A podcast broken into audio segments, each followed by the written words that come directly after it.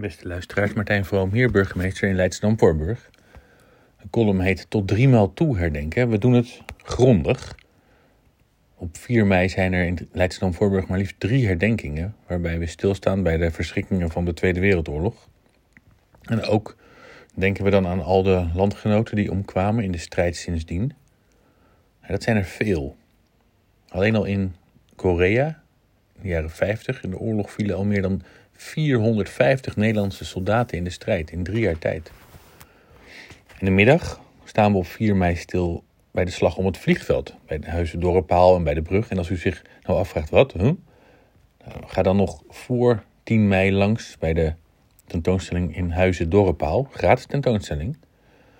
Dan hoort u niet alleen over de held Maduro, maar ook over het belang van die actie voor ons Koningshuis en de regering. En op 10 mei loopt die tentoonstelling alweer af, dus ja, wees er op tijd bij dan. Daarna staan we stil bij de verzetshelden.